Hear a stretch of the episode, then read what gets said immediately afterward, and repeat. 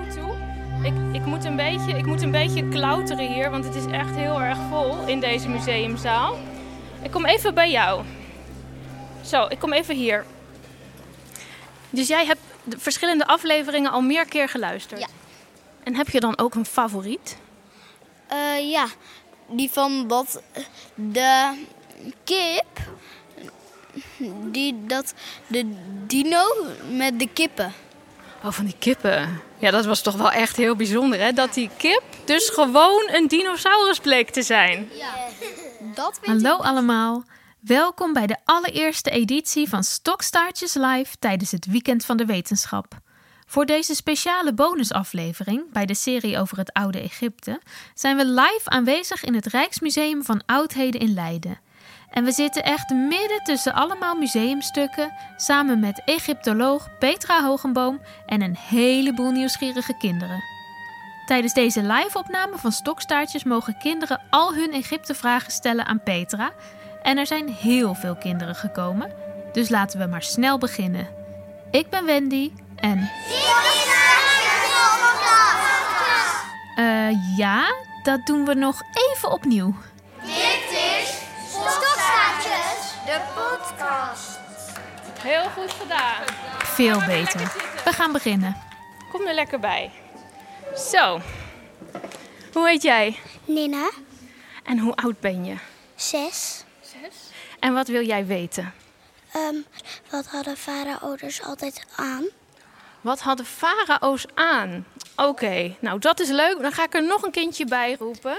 Ik roep Sam er even bij, want ik had al gehoord dat zij ook een vraag over kleding heeft. Uh, welke soort kleren hebben ze aan? Ja, en kan je hier om je heen dat al een beetje zien? Ja. Ja, wat, wat valt je op? Dat ze veel sandalen aan hebben en rokjes. Sandalen en rokjes. En wat valt jou op? Dat ze hele mooie soort van kappen hebben om hun hoofd. Oh ja. Nou, we gaan het aan Petra vragen. Wat hadden de Egyptenaren aan en wat hadden de farao's aan? Nou, ik geloof dat ik bijna geen antwoord meer hoef te geven, want jullie hebben het al zo goed beantwoord voor mij.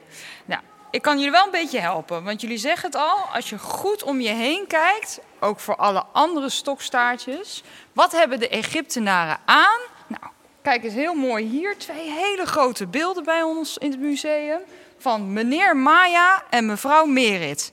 En allebei hebben ze een hele grote lange rok aan. Want wij hebben nu bijna allemaal een broek aan, maar in Egypte hadden de meeste mannen en vrouwen hadden een soort rok. Voor mannen was dat vaak een kortere en voor vrouwen een lange, gemaakt van linnen, dus heel dun spul. Want in Egypte is het natuurlijk superheet.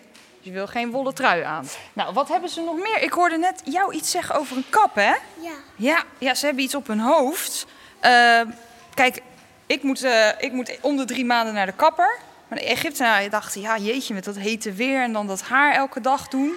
Dus weet je wat ze vaak op hun hoofd hadden? Een pruik. Dus je ziet Merit, dat is de mevrouw, die heeft een hele lange pruik met allemaal hele mooie vlechtjes.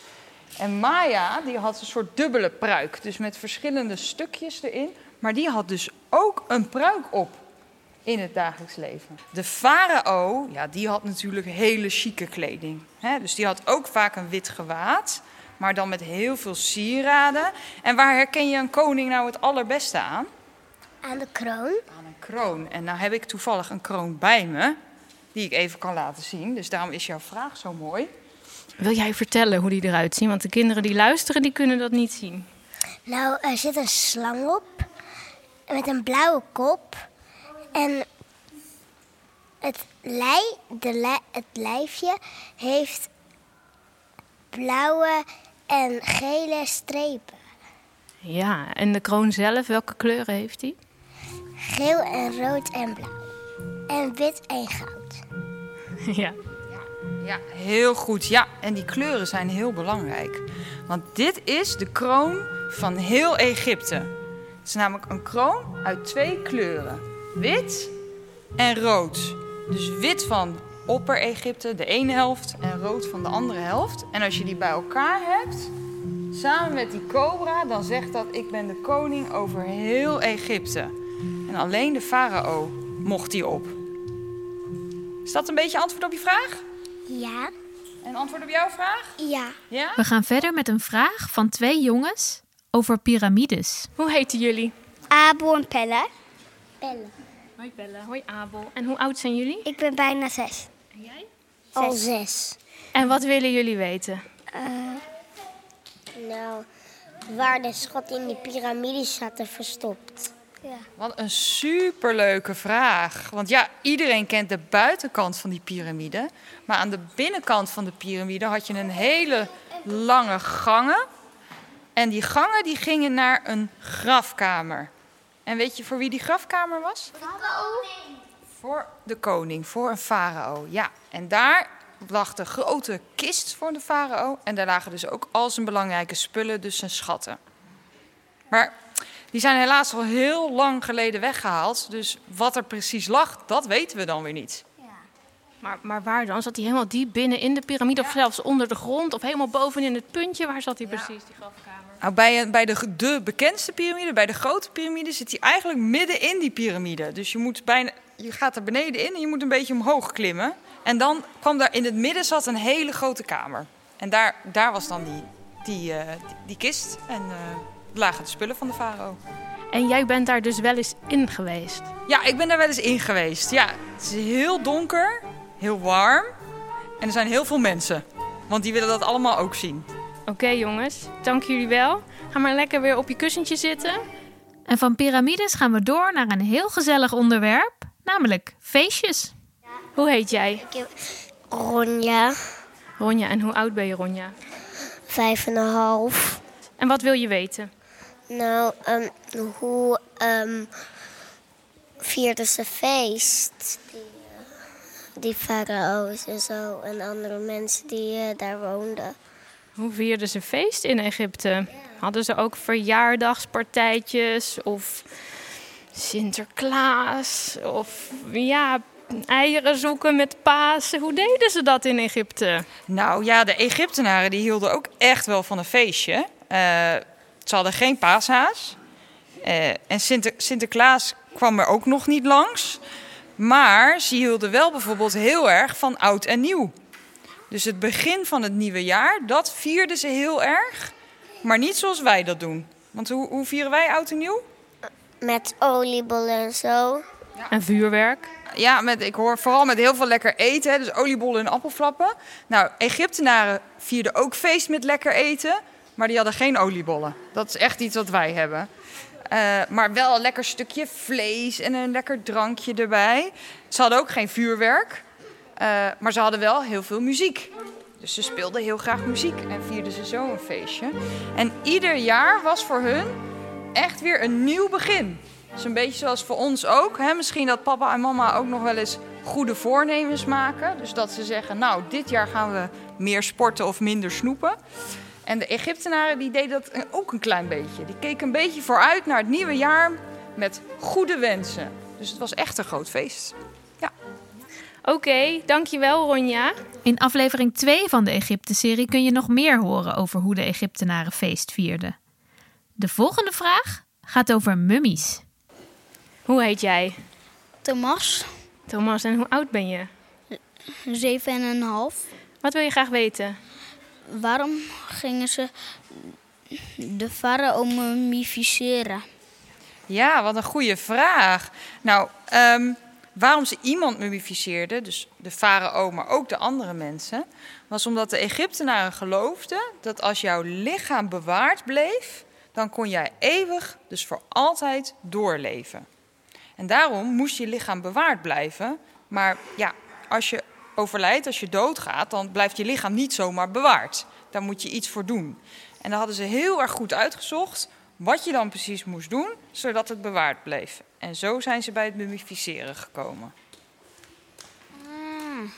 En dan kunnen de beestjes er niet meer bij. Ja, precies, dus de beestjes kunnen er niet meer bij. Maar ja, wat ze bijvoorbeeld ook doen, was stukjes van jou uit je buik bijvoorbeeld weghalen. Zodat je lichaam van binnen ook schoon bleef en goed, goed bewaard bleef. En dat is ook waarom ze je bijvoorbeeld gingen bedekken met een hele grote laag met zout. Zodat je helemaal uitgedroogd was en goed bewaard bleef. Dus daar hadden ze allemaal verschillende trucken voor om dat goed te doen. Ja, en al die organen die ze eruit haalden, daar deden ze ook iets bijzonders mee, toch? Ja. Ja, dat klopt. Ja, en daar heb ik iets van bij me hier. Eens even kijken of jullie dit kennen, wat ik, uh, wat ik bij me heb. Weet iemand wat dit is? Ja, een hele speciale pot, pot waar ze dan alleen de organen in deden en die gingen dan ook mee. Helemaal goed, we noemen dat een kanopen.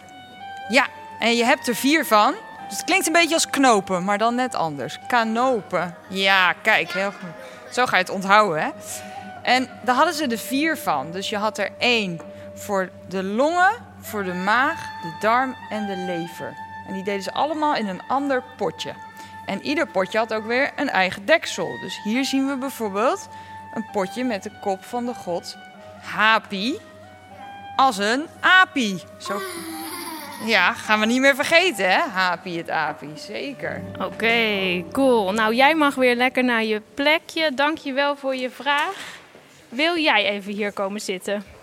Hoe heet jij? Albert. Albert, leuk dat je er bent. En hoe oud ben je? Zeven. En wat wil je weten? Ik wil weten wanneer dit begon.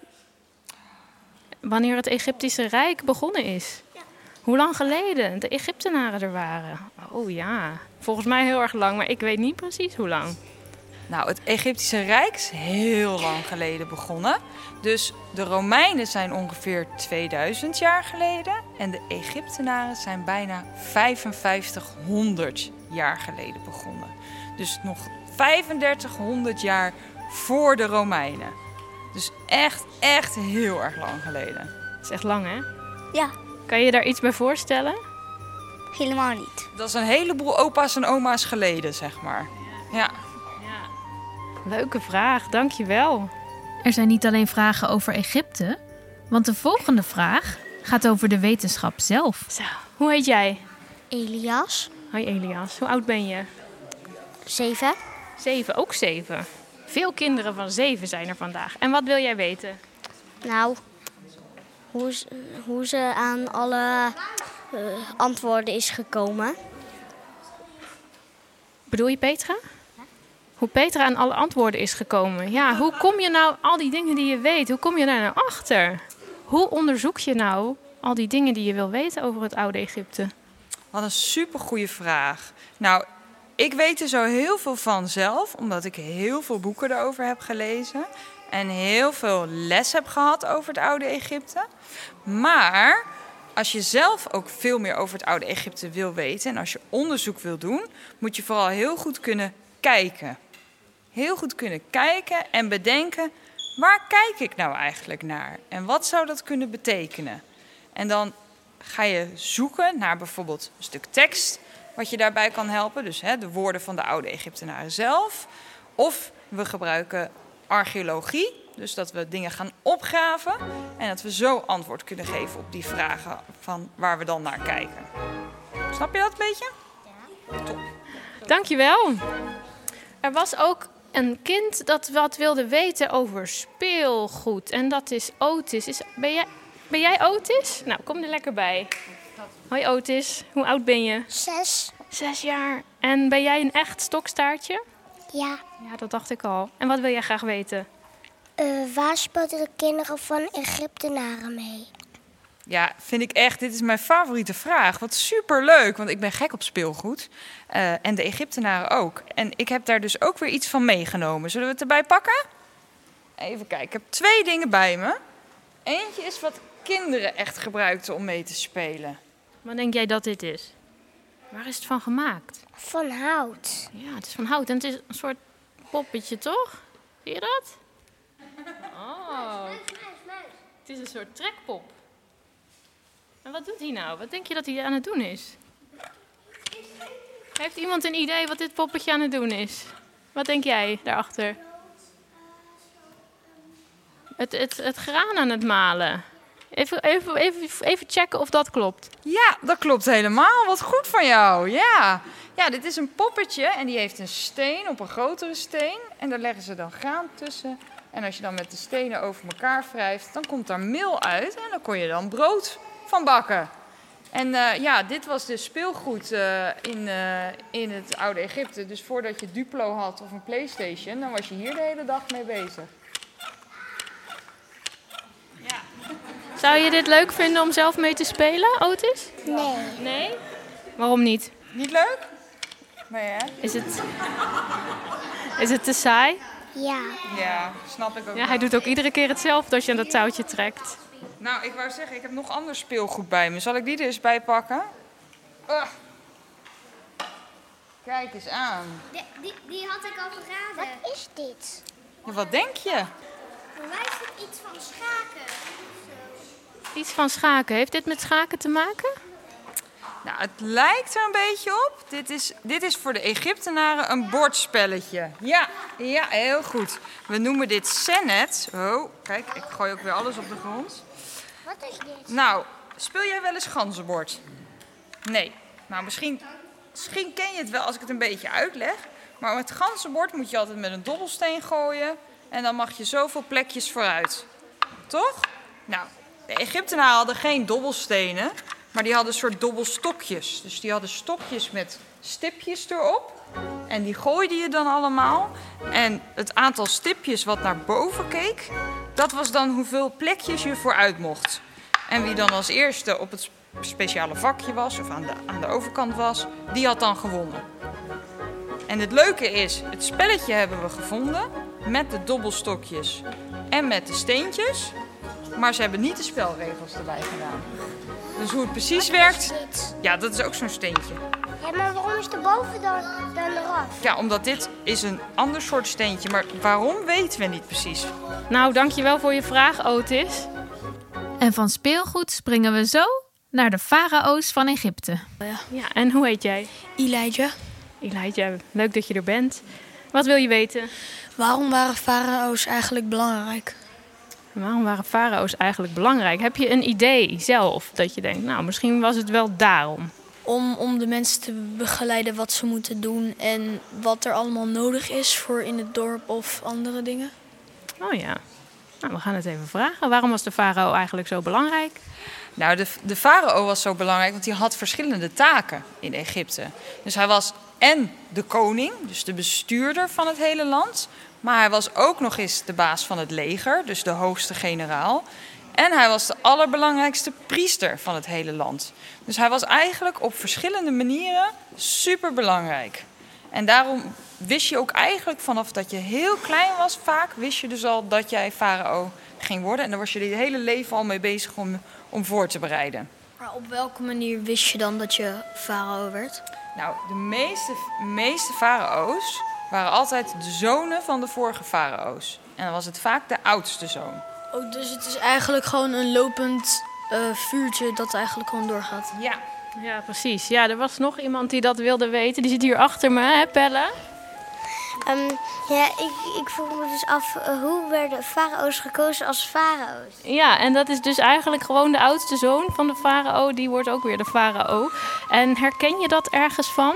Hoe dat dat zo werkt? Ja, bij de koningen van ehm, bijvoorbeeld eh, Nederland of Spanje. Of, ja. En meestal is het een jongen die wordt gekozen als, als koning.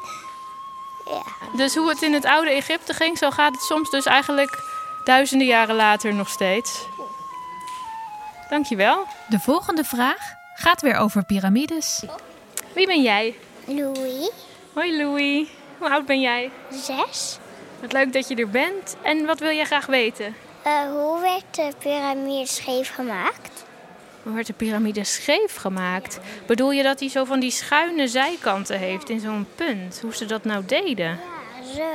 Ja. Aan elkaar. Zo precies ook, hè? Zo hele precieze, strakke lijnen. Ja, hoe, de- hoe konden ze dat nou zo precies? ja, nou, dat is een hele goede vraag. Ze maakten allemaal blokken van dezelfde maat. Beetje zoals Duplo, moet je bedenken. Ja, ken je die? Ja, hartstikke goed. En dan ga je ze steeds een stukje naar binnen stapelen. En dan kom je heel mooi zo recht in het midden uit. Heb je zelf wel eens een piramide van Duplo gemaakt? Nou, Misschien kan je dat een keer doen. Heb je thuis Duplo? Ja, Dan moet je een keer proberen. Kijken of het lukt. ik heb ook Lego. Oh, daar kan het ook mee. Onze stokstaartjes hebben echt superveel en supergoeie vragen. En weet je wat de grap is? We zijn pas op de helft. De rest van de vragen hoor je volgende keer in deel 2 van Stokstaartjes Live. Tot dan!